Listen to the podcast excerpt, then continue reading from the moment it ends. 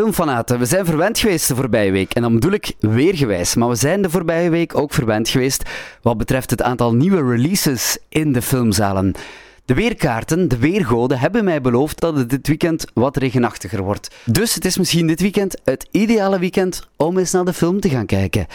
In de Brusselse filmzalen kan je vanaf deze week gaan kijken naar de Brusselse film van het moment. En dat is Animal van, en nu zal ik het woord Brussels nog maar eens gebruiken, van de Brusselse filmregisseur Nabil Benyadir. Tu le connais d'où Boulot. C'est un peu spécial quand même. Un collègue. Le jour de mon anniversaire. Ça t'embête, maman Réveille-toi, Brahim. Jamais ça va arriver que ton mec il vienne ici et que tout le monde trouve ça normal. Jamais, tu le sais. Vis ta vie, respecte-nous. Réfléchis bien à ce que tu vas faire. Ik kan wel zeggen, dat is voor mij de zwaarste film die ik in jaren heb gezien. Oh, Ja, en jij ja. ziet veel films, hè? Ik zie veel films, ja. Ik zie nog extreme films, maar die hebben dan toch... Daar is het geweld eh geësthetiseerd en dat is hier niet het geval. Ehm, ik denk, ja, hij zegt dat ook in films. Hè, het moet heel zwaar geweest zijn voor hem om die film te, te draaien. Het vraagt heel veel moed om over zo'n waar gebeurde moord, een haatmoord, een film te maken. Die dan ook de triste reputatie heeft van de allereerste officieel erkende homofobe moord te zijn. Dus dat is bij de veroordeling meegenomen. Dat was tien jaar geleden in Luik. Eh, maar spijtig genoeg, tien jaar later gebeurt dat nog. Hè, is homohaat nog altijd alomtegenwoordig. Wij berichten er regelmatig over, over incidenten hier in Brussel. Vorig jaar was er nog de moord in Beveren. Dat, eh, dus dat betekent, ja, eh, zijn film is nog altijd relevant, is heel urgent, is een film van nu. Het is een belangrijke film. Het is een belangrijke film.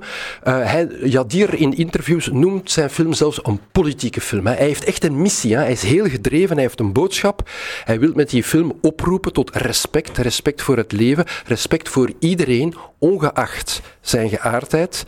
En hij heeft daarbij vooral een publiek voor ogen dat eigenlijk mogelijk dader zou kunnen zijn. Dus niet de hoger opgeleide, niet de ruimdenkende, tolerante mensen, maar mensen die minder hoog opgeleid zijn en die mogelijk dader kunnen zijn, zoals de daders in de film. Vandaar ook de bewuste taalfout. Ja, want het is animal met een S achter. Dus het meervoud S, terwijl als wij...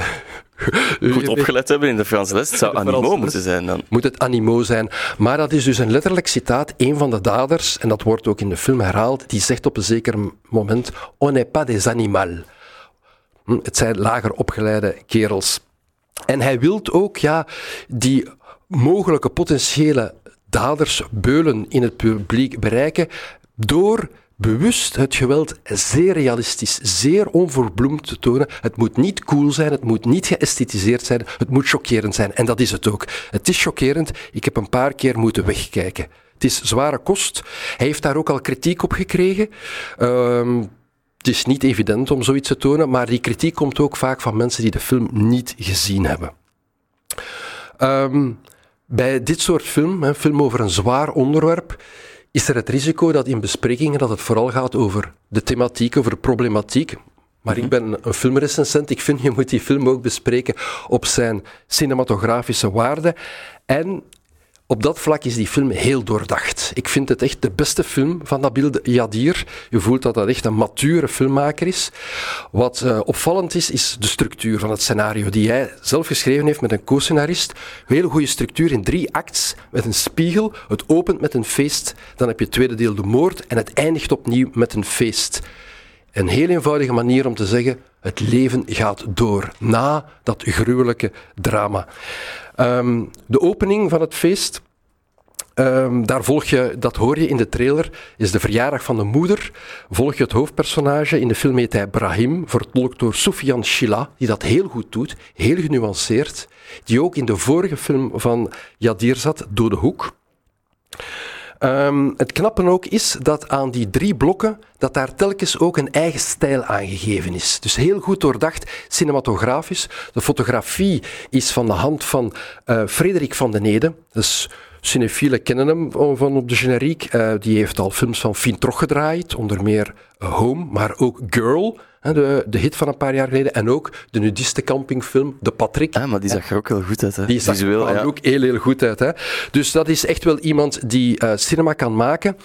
Wat bijzonder is, de hele film is gedraaid in een heel eh, beperkend oude formaat, het 4-3 formaat, het oude televisieformaat, hè, van voor we de breedbeeld hadden. Waarom? Dat is niet arty-farty. Dat is een uh, de personages hebben daardoor weinig ruimte naast hun hoofd. Het is beklemmend. Uh, beklemmend, ja. voilà. Dat is om de beklemming te benadrukken. Maar wat ook heel knap is, dus uh, de feestscènes die hebben een hele andere look natuurlijk dan de moordscènes. Die zijn gedraaid met de camera van op de schouder. Lange takes, doorlopend, bewegend, trappen op, trappen af de feesten. Je volgt heel veel personages. En daarin voel je van, wauw, dit is echt een regisseur die kan vertellen de complexiteit, de ambiance van dat feest, hoe dat hij dat vatte, dat is echt verbluffend gedaan. En dan in heel groot contrast staat dan de tweede blok met de moordscènes, waar een groot deel moordscène, de folterscène, waar je um, een groot deel gedraaid is door de acteurs zelf, met hun gsm's. Dus je krijgt wel af en toe Frederik van Neden die van op afstand filmt, maar een groot deel is dus gefilmd met de gsm's. Heel nerveus, heel schokkerig. Je voelt hun, dat wordt live op sociale media gedeeld. Je hoort hun commentaar. De daders zijn bezopen. Uh, het ene moment stellen ze het voor alsof het allemaal een grap is, maar geleidelijk aan dringt het toch wel tot ons door, tot de kijker door. Zij moeten heel erg hun eigen mannelijkheid affirmeren. Een van de daders, dat wordt ook gesuggereerd, is onderdrukt ook zijn eigen homoseksualiteit. Dus die look is heel goed, werkt heel goed.